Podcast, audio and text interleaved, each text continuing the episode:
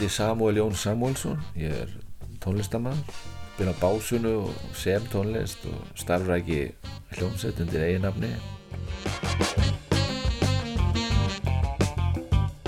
Ómar Guðjónsson, gítarleikari. Hver er þessi sammi sem allir er að tala um? Það er eitt fjörugasti, vinnusamasti, góðanaglaðasti, skemmtilegasti, uh, hressasti maður í, í bransanum.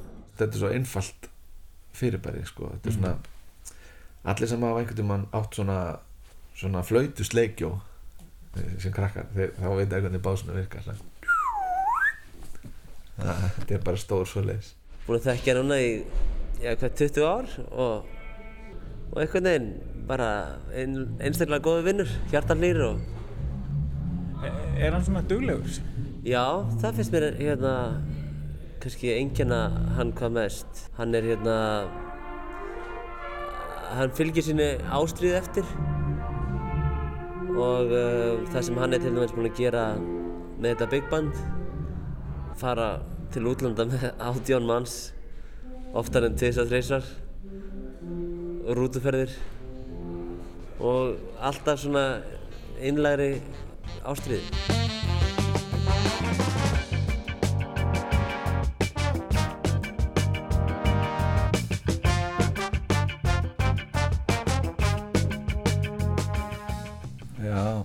Ég meina ég er, ég er nú fættur og við byrjum á því að fæðingarheimilinu í Reykjavík í november 1974 á fríðardaginn 11. november og foreldra mín er Samuel Jón Samuelsson Lagnir sem er hérna, fættur á Ísafjörði og móðið minn er Þóralla Gísladóttir fættur á Akureyri og og ég ál mannin í, í Reykjavík í tvö ár Ísafjörði eitt ár Reykjavík eitt ár, síðan í Svíþjóði þrjú ár og svo Ísafjörði í fjögur ár nei, sex ár. Og fluttist þetta Reykjavík eftir fermingu. Og hérna og upplifið mér svona sem eiginlega sem Reykjavíking en samt Ísfjörðing svona í, í, grunninn. Finnum það að ræðina líka stert þar sko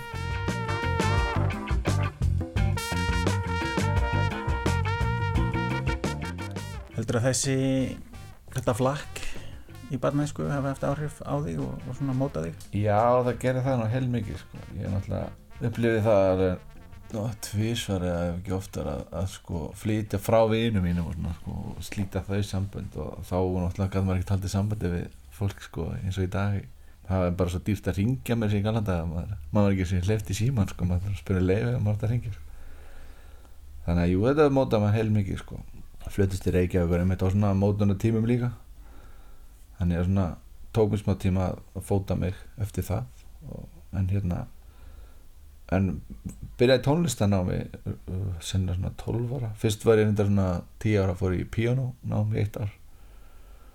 Og það var einmitt hjá hérna Ragnari Há í, á Ísafriði svo já, svo hætti ég því að því mér fannst þetta alveg hundleðilegt svona þessi, skó, þessi svona klassíska skólun sko að, að sitja við píanó og spila upp ykkur bók og þurfa að æfa, æfa það heima og bara einhvern veginn tengdi ekkert það, fannst það bara leiðilegt.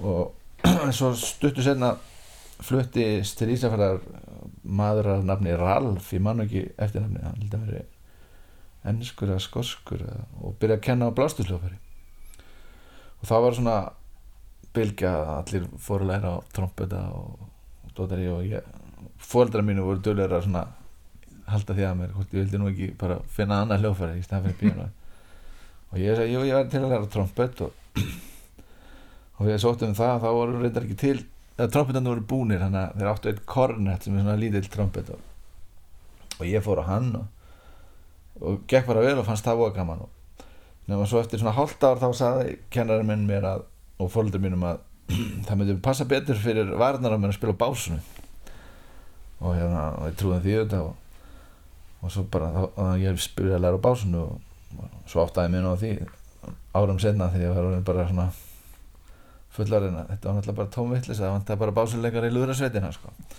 þetta er svona saga sem ég segi oft þetta er svona mótaði mann heilmikið líka maður, maður hefur ekki tekið allar ákvarðanir sjálfur sko svo flyttið til Reykjavíkur og hérna þá fór ég í tónmæntaskólan og þá hætti það var svona big band í tónmæntaskólanum sem Sæbjörn Jónsson var með og það hætti einhver básunleikarin og, og þá opnust dyr fyrir mig og sem var svona, þannig ég mér var kipt þar inn. Og þá byrjaði, það var svona fyrst getið sér spila einhver svona músík sem var ekki svona nótna bóka músík eða, eða lúðrasetta músík þá, það gerist eitthvað, ég man ennþá eftir tilfinninguna setjast inn í þetta big band og, og hvort það varum að æfa bara eitthvað Glenn Miller dótið eitthvað, það var bara, vá, þetta er eitthvað ótrúlegt í gangi hér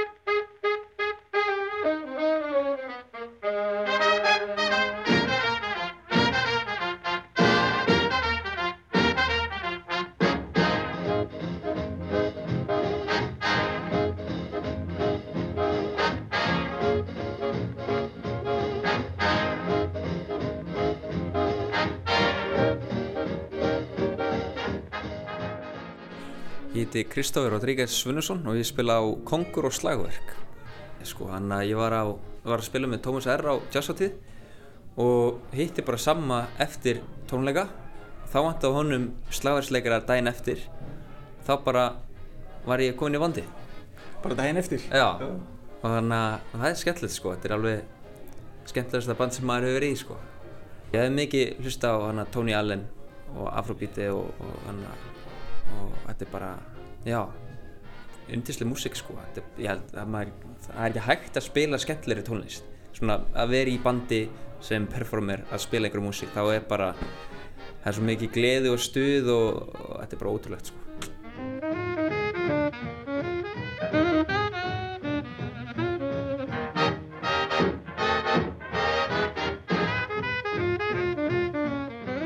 Mér, mér, þetta er allt rosa afslappað sko. Þannig að, þú veist, lítið eft og, og bara bara, já eins og við vorum að tala um hérna áðan við, við treystum tónlistlegu innsæi hvers annars hérna þannig að það er bara það er allir bara með þetta sko þannig að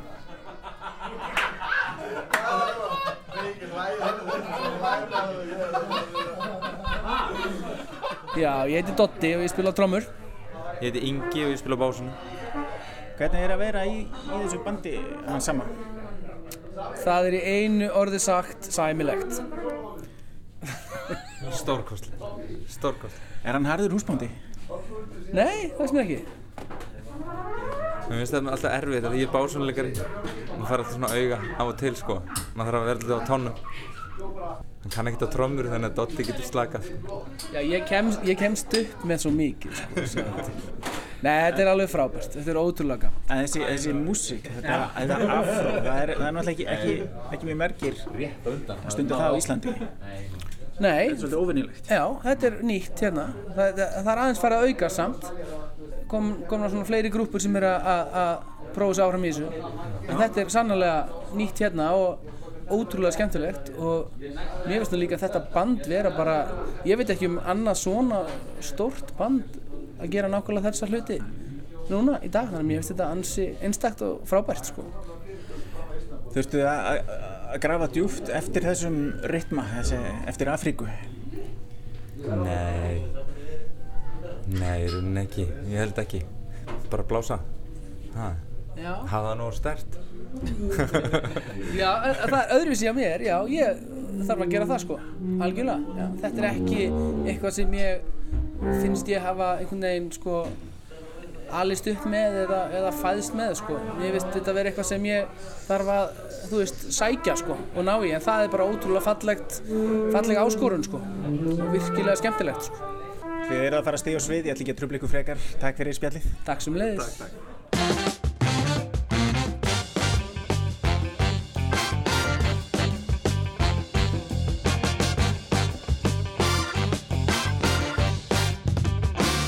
Ég hef nú alltaf verið svona um, haft mikla músík í mér sko þó ég hef ekki veist, ég lamdaði Makedósbaukana í spað og, og hérna, held ég nú ég hef oft sagt að þessi trommuleikari fastur í líka maður básunleikara en hérna já þessi punkturinn er að já, ég svona gegnum músík þá einhvern veginn, ég fann mig þar og, og svona kynntist fólki sem var með tónlistan á mig og, og það hefur svona það var, var kannski svona lífæðin mín sko, í gegnum svona kannski erfiða tíma en svo bara blessunarlega einhvern veginn fann, fann ég mig í því og, og hérna the rest is history sko, eða hvað, ég veit ekki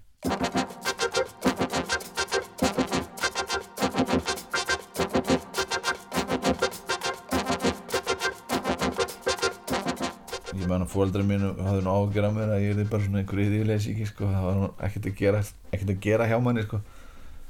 Og svo fór ég með þessi yðnskólan ég hafði nú áhuga, ég ætlaði að fara í svona ég ætlaði mér alltaf að vera pródusent sko. Þannig ég fór alltaf að fara í svona græ, að læra allt um græjur og fór í rafmagsfræði í yðnskólanum og fekk eiginlega bara meiri áhuga að fara í rafindavirkjun sko.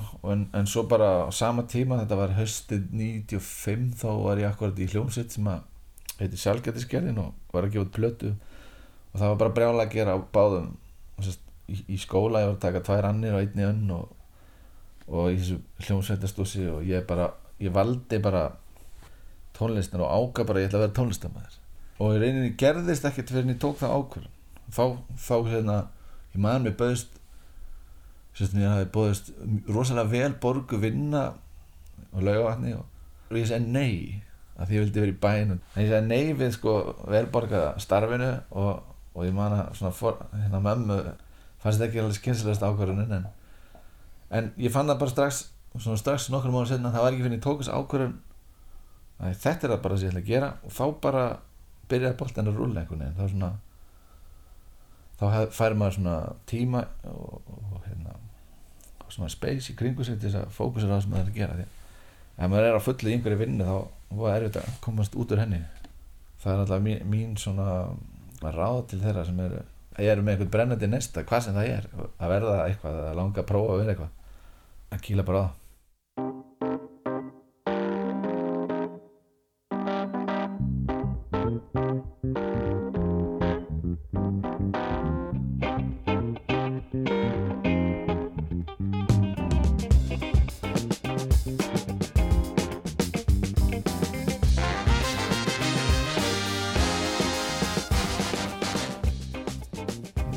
þegar ég uppgötaði sjálfur ég man ég sá þetta orð funk einhvern tímann á blötu sko. Bara í hljómalindi eða eitthvað sko.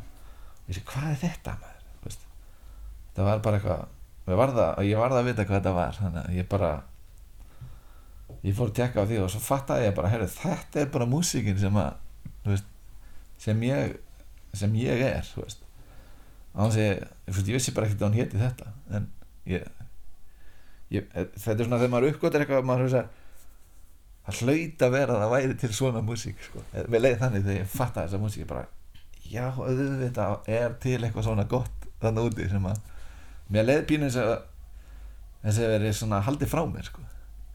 að þetta er ekki eitthvað sem maður heyri í útvarpi svona, og ekki allavega hérna í Íslandi svona 8. og 9. áratunum sko, það var ekki mikið spilað svona veist, það heyrist einstaklega laga með James Brown og Steve Wonder eitthvað og, og, og náttúrulega gegnum þetta fyrir maður að kafa og, og pæla og uppgötar alls konar hluti og fattar allt inn að þetta er þetta og, veist, og ég kynni sér söguna og tónlistarsöguna og þetta er þetta allt ru- runnið undan fólki sem að á ættir að reka til Afríku og maður svona bara smá saman leitar upprönnans og, og það er náttúrulega bara svo stór heimur af, af músík að ég bara sogast inn í hann. Ég man þegar við gáum út fyrstu plötun okkar hérna Jaguar, það var nú verið 99 þá kynntist ég strákum frá Gíni sem voru hérna að spila í kramhúsinu. Og þeir komu og voru með svona masterclass BFH og voru að láta okkur tromma og djembe trommur og, og svo voru við látið dansa í tímamannum þetta er eitthvað fællega gaman og, og ég plattaði það eða réða til þess að koma að hita upp fyrir okkur á útgáðtónleikunum sem var, alveg ógeðslega flott og svo mani ég fór upp í kramhús til þess að borga þeim. Og hérna og þá leiti inn í tíma og segi, þetta er eitthvað geðvægt hérna, maður." og ég segi, ég ætla, einhvern veginn ætla ég þetta sko. og svo eitt liður á öðru, sko, maður veit ekkert svo kynst ég konunum minni sko, einhverjum árum setna sko, fimm árum setna, fjórum og hérna, þá hafði hún verið að dansa afró og, og ég segi alltaf strax já, ég, ég ætla að fara í það einhvern tímann, ég, ég held að ég sé heldur góður í því sko. og svo kom að því að hún hérna, ég held að það var þreytt að hlusta mig tala um þetta þannig að hún skráði mig bara í afró. Og ég skoraðist ekki undir því og mætti niður kram og svo nú verið þannig undarfærin ár svona þegar ég kemst sko, það er ótrúlega gaman og, og það hefur leitt af sér líka það að við til dæmis einn vinnu minn sem hefur verið að spila hana mikið sem að heiti Sjekk og hann bauði okkur í brúðköpi sitt út í Gínu í Conakry, höfuborginni þannig að við fórum þanga fyrir nokkrum árum og veist, kona mín har alltaf verið með mikla hún er tónlistamæður líka og, og mikla ástriði fyrir brasilískri tónlist og, og hún var í hérna að gera lokaverkunni í listaháskólanum og, og við fórum til Ríó og vorum þar í þrjá mánuði og hún svona eiginlega dróð mig þangað sko. Ég hafði nú ekki alveg hugmynd að flug reynda það að ég verið með mikla svona samband öllu alltaf sem ég kynntist svona brasilísku sambandtónlist og ofta svona heillar af því og mér fannst þetta rosalega langur tími þrýr mánuður að fara í burtu. Ég held ég myndi bara að myndi þetta gleyma mér og ég kem heim og ég er ekkert að gera og engin myndi ringi í mig. En þetta var algjör þetta var best að sé gert að fara í burtu þrjá, þrjá mánuði á svona, á svona stað sem að var endalus innspýting og, og örfun einhvern veginn og, og það er náttúrulega svo svakalega afrískur heimur sko. Ég hef ekki hugmyndu það árið fór þangað til dæmis það fóru langt flestir þrælar frá Afríku til miklu, sexinu fleiri heldur en til Bandaríkjana en það er svona alveg ótrúlega söðupottur af, af sko, afrískri músík og, og matar og, og bara kultúr í Brasíli sko. Sko, ég, þetta var svo góð kvíld hvernig minn sagði að það hætti að hrjóta mér sko. og hérna þetta var æðislega að fara í burtu bara, við fórum í janúar, februar, mars þetta er karnavalið var hann í februar og, og við vorum bara að hlusta músík og og, og veist, að njóta og, og upplifa eitthvað nýtt og maður kom alveg endurnar tilbaka. Þannig að, já, hvenar, hvenar fengi delli fyrir Afrika, þetta er svona þegar, bara, þegar ég lagði púslinn saman og svo fattar maður sko að þetta er allt afrísk músík veist, ég var nú bara að horfa á einhverja heimildamind núna í sjónvarpinu í fyrra dagum. Það var einhver leikari sem var að leika Mandela og hann fekk einhverja flug í hausin að gera einhverja plötu líka í Afríku. Þetta var fellega eiginlega leðileg mynd fannst mér, uninteressant. En það kom einn, hann fór til Mali og þar tók hann þátt í verkefni sem er dálítið spennandi sem heitir Africa Es- Express. Og þar var Brian Eno og Brian Eno sagði eiginlega setninguna sem að gerði myndina og það er þessi mikli músíkgúrú sem að sko vest, vestræn í popheimurinn alveg dyrkar og og hérna snobbar fyrir sko. En hann, hann, sagði einmitt þetta sko ef, ef, ef við tökum tónlistasöguna og horfum á hana þá er hún svona eitt stórt þygt afrísk tré og svo kemur svona lítil hristla út og það er vestræn sko poptónlist eða vestræn tónlist sko. Og þetta er svo rétt og, en það er, það er svo mikið það er svo, það er sjá og svo fáir þetta svona einhvern veginn. Og mér er svo gaman að sjá svona svona gauri svo hann sjá þetta einhvern veginn svona það veist, í- ég, mér finnst ég að sjá þetta svona einhvern veginn svipað sko. Og hann sagði líka sem var svo flott að hann sagði að fólk var að spyrja hvað, akkur, akkur það var til Mali og hann sagði ég er að fara í tónlistalega hérna hann sagði I'm, going there for musical humiliation. Og hann- hann upplýði það þannig að vera í Mali að þá upplýði hann það að hann kynni ekkert og væri bara null og nix innan um þess að geða músík þannig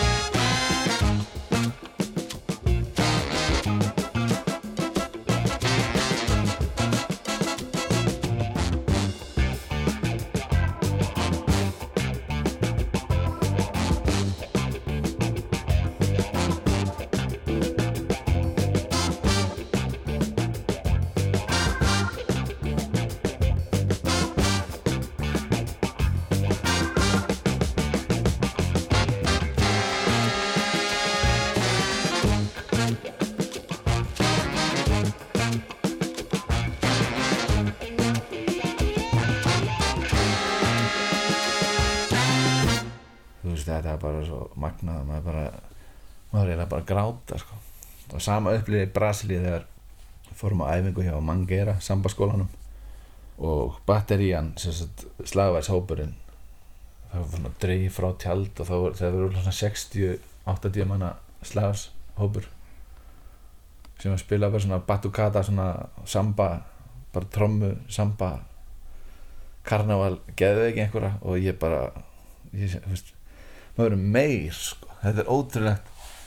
Það er svona rhythmísk músík sem að hún fyrir einhvern veginn beint í meðanmyndan á manni en hún fyrir líka beint í hjarta og svona það er svona tregafullt einhvern veginn. Og það er svo mikið, það er svo marga sögur í þessu líka veist, og ætlar að saga þessa fólks og hvernig við erum farið með það og allt það ef maður kynnist sko afrískri tónlist þá held ég sé ekki annað hægt en að, en að falla fyrir henni sko. Og ef maður svona er alltaf um opinn með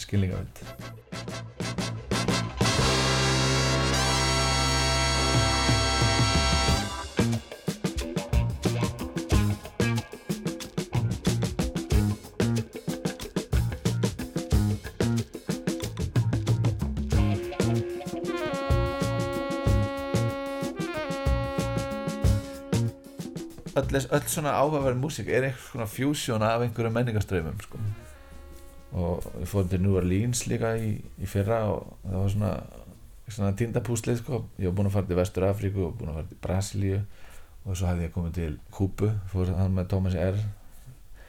Og maður fannst verða fara til New Orleans. Það er einhvern veginn svona tind, tindapúslið í, í þessari heimsmynd sem ég er að reyna að búa mig til sko.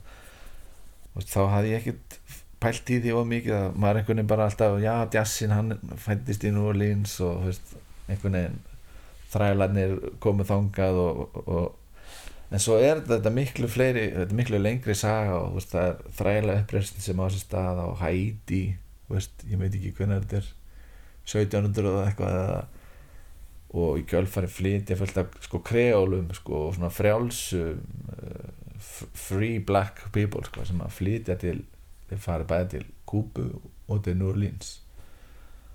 Og að því, að Louisiana var franst og, og Haiti var svona franst en, og þar myndast svona einhver svona ekki yfirstjætt en svona millistjætt sko mentaðs því frakkar sko mikið af svona þessu kre, kreóla og fólki fekk að fara til Parísar og fekk að læra þar.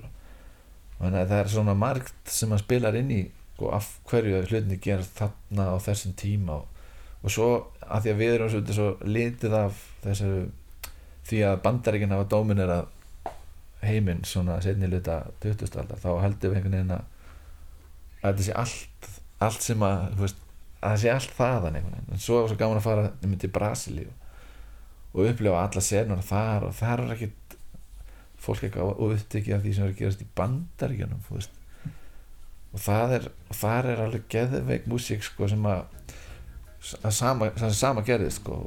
Afrísk afrískur kultúr mætti evrópskum svona einhverjum yfirstjætta kultúr sko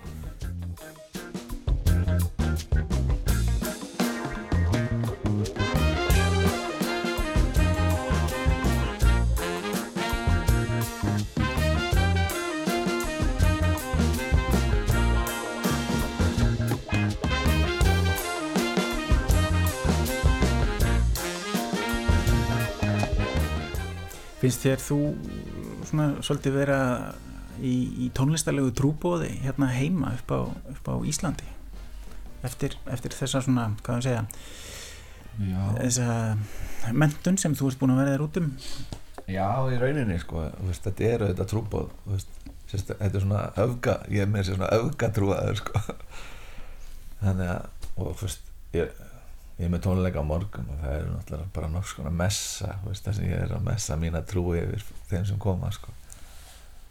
og ég hef oft pælt í hvort það væri ekki bara, að því maður svona oft fundist vantar svona almennlan svona heimavell fyrir svona rithmiska músík í Reykjavík og ég oft spaðið hvort maður ekki bara stopna trúfélag utan um sko svona afríst uh, tónlist af afrísku meði sko jazzmusík og funk og allt þetta dót sko svona klubb og, og, og, og fá bara þessa tíund sko frá ríkinu fyrir að vera trúfélag og svo eru bara messur um helgar og það eru bara tónleikar og, svo eru æstu prestar og, og svona. Og En svona- búningar. Búningar er svona, veist, að öllu gríni sleftu þá, þá er þetta ekkert samt svo galin hugmynd. En þetta eru þetta nokkur skona trúbóð útbreðsla á einhverju skona fagnæri erindi sko. ég, bestu launin eru þegar maður upplifir það að það sem maður hefur gert það hefur snert við einhverju fólki og ungu fólki sem maður kannski veist, það er, það er rosalega gefandi fyrst mér. Og já, þetta er svona einhvers konar einhvers konar trúbóð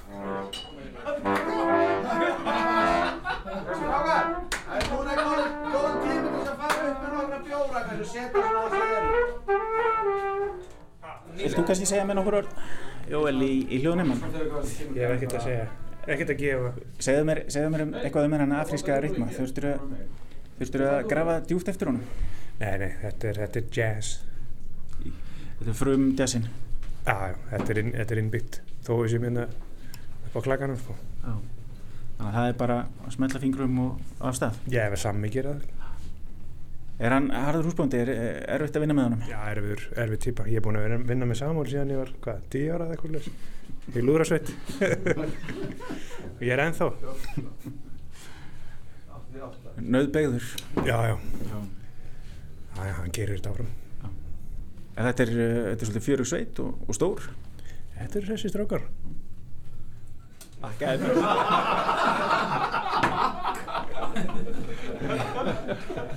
Síklaðir Takk fyrir, góða skemmtustrákar Takk fyrir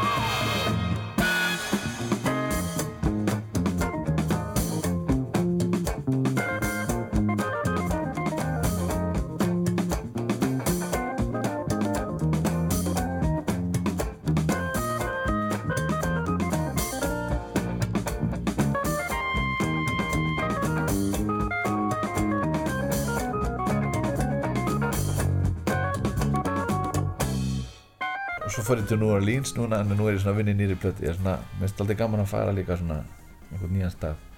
Ég er svona að lifta þessu bara að, að svona bara hafa áhrif á mig án þess að sko vera að reyna einhvern veginn að setjast niður og nú, ég skal semja lag sem ég er undir áhrifum frá þessu. Það bara meira ferði undir meðutundin og, og einhvern veginn smittar bara smittar það sem er að gera og, og svona eitthvað attitút sko. Hverjir hafa haft sterk áhrif á þig í tónlistarheiminum?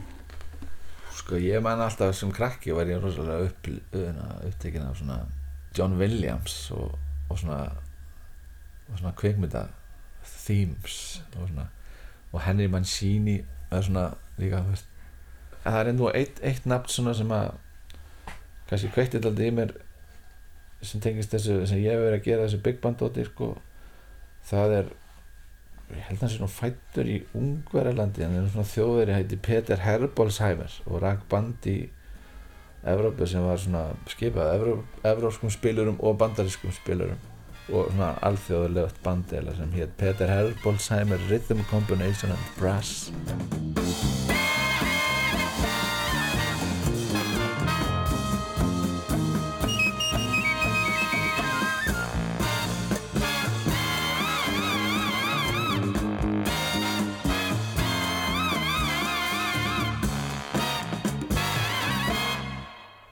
gerði plötur fyrir MPS label þýst sem að alveg bara geggjað stöf sko.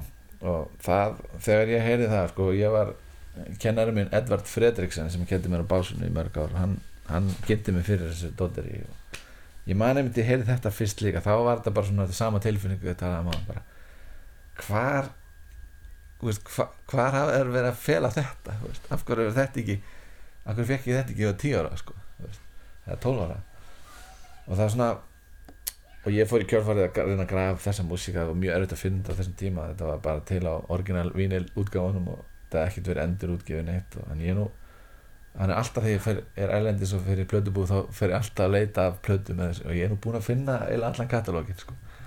og ég á mér að sko doppula af sömu plötunum af því að alltaf þegar ég finn þetta þá kaupi ég það og ég man ekkert nákvæmlega hvað ég á en veist þetta er það sjálfgeft dót að þú veist maður getur þá bara að gefa einhverjum eða selta sko ef maður á tvöfald af því.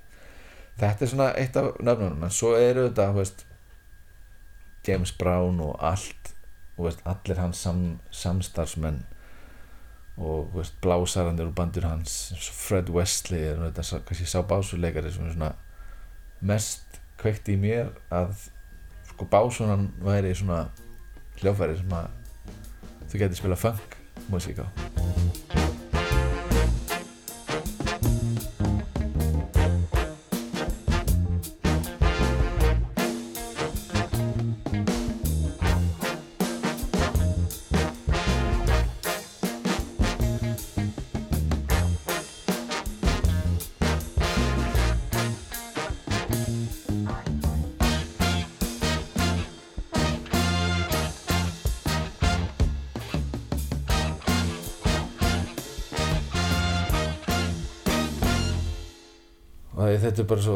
ótrúlega mikið að dótar í sko. svo náttúrulega allir sem maður einhvern veginn hefur spilað með og, og, og hérna þú veist sem er auðvitað bara ótrúlegur hópur og stundum bara að hafa verið sko, bara það að vera upp á sama tíma og, og, veist, þá er ég bara að tala um sko um það sem maður spila með í, í mínu big bandi og í Jaguar og, og veist, bara ég sé senu allt frá Davíð Þóri Jónssoni til veist, Ómars og Óskars og, og, og, og Kjartan hérna, og Ingi og Helgi og veist, ég bara, það er endalist þetta telja upp nöfn sko, mm.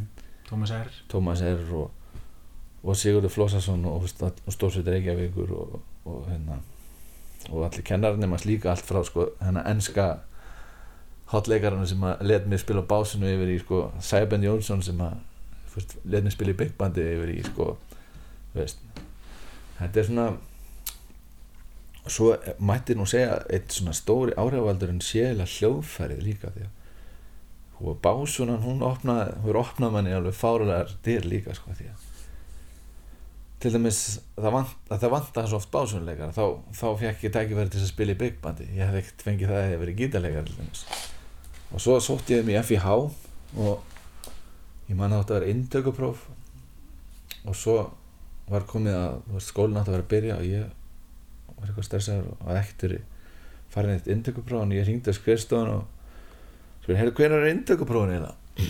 og þá svara, já, þau voru nú í vor. Og ég held að þetta væri að væri búið klúrast og ég sagði, nú, nú, ég, byrju, ég fekk ekkert neina meldingu um það. Og nú, nú, hæ, byrju. Fór eitthvað að leita að nafninu mínu og svo svona, heyrðu, byrju, á hvað hljóð færðu básunu? Já, blessar, mættu bara á skólasetninguna. Þannig að veist, það vantaði básunu nefndur bara þess að fylla upp ykkur kvóta þannig að ég komst þar inn og, og þá vantaði náttúrulega básuleikara í big bandið í FIH þannig að maður fekk strax sæti þar veist, og það vantar alltaf þannig að hljóðfæri hefur dreigið mann og ég, maður er búin að sjá síðan þú veist, ótrúlega hluti og heimsluta og út af því að maður hljóðfæri hefur farið með mann út um allt sko, þessi, þessi lúður sem að var logið að mér að ég ætti að spila og sé nú eitt stærsti áhrifavaldinu svona þegar öll er á botnin kóld sko. en svo er þetta bara líka fóreldrar mínir og, og svona fyrir að hafa bara gefa manni tækifæri til að veist, verða það sem maður vildi verða og alltaf stutt manni því og, og kona mín fyrir að stiða mig og, og líka veist, gefa, gefa manni tíman og, plassi til að vera það sem maður er því að það er alveg ómeðalegt líka ég þarf stundum bara svona að fá að ráfa um sko, þú veist, heilu hálfu dagana bara svona til þess að finna eitthvað sko þetta er svona það sem kannski fólk kallar að hangsa sko en ég hérna þetta er svona mín hleðsla ég, svo fannst mér alltaf gaman ég rakst á þetta hugtak þetta er svona 19. aldar hugtak í, í Fraklandi eða svona í, í kringum þessa þetta, þetta tímabil sem er kallað góða öldin eða eitthvað slús kannastu þetta? Belle Epoque Já, Belle Epoque já. þá á þeim tíma er, er til hugtak sko eða svona karakter sem að heitir eitthvað La Flaneur sem er sagt, sem er svona mentaður maður sem að ráfar um götur borgarinnar og svona virðana fyrir sér og svona, og svona pæla í umhverfinu og þegar ég einhvern veginn þú veist, ég var eitthvað að grúska í þessari, þessari gullnu öld því að þetta er svona tímbil líka sem að er mjög fascinerandi af því að þetta er svona tímbil það sem að jazzin fæðist upp og líka og þessi franska expressionismin sko sem er komin til New Orleans í gegnum og færlega svona spennandi tími finnst mér sko. Þegar sáu það að þetta var viðurkend, viðurkendur status þarna þess að það er þetta er, þetta harmonera eitthvað við mig þessna ég myndi vilja að maður geti skilgreint sér svona í dag sko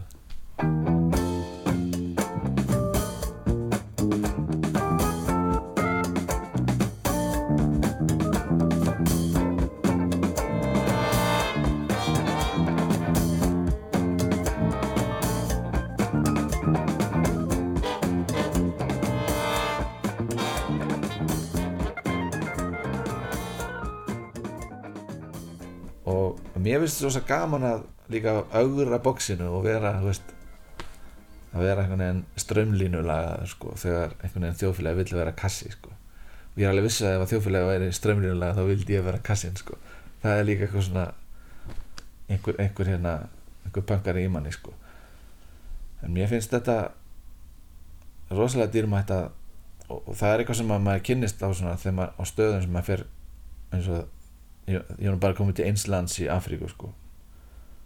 þar var ekkert fólk að stressa sig á þú veist næstu mánamótum eða það getur vel verið að vera að gera en það var einhvern veginn, ég upplegað sem að það var allir bara svona dagurinn í dag Li, lífið er í dag sko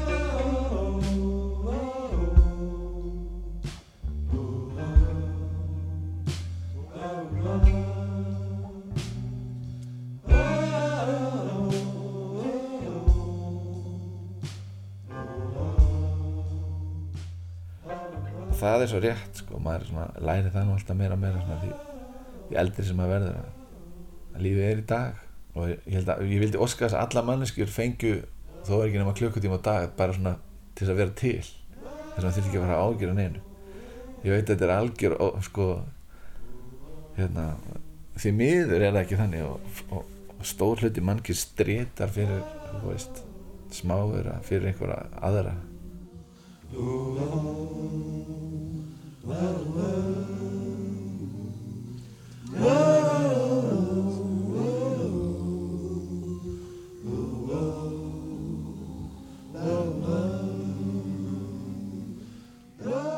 þessum þætti mátti heyra rattir þeirra Samuels Jón Samuelssonar básunuleikara, Ómars Guðjónssonar gítarleikara, Kristófers Rodríguez Svönussonar slagverksleikara, Dotta trómuleikara og Inga básunuleikara og Jóels Pálssonar saxofónleikara. Tónlistin í þættinum var fengin af plötunni Fjóra hliðar með sveitinni Samuel Jón Samuelsson Big Band. Einnig flutti Glenn Miller In the Mood og Peter Herbolzheimer flutti lægið Countdown. Tæknimaður var Lítiða Gretastóttir.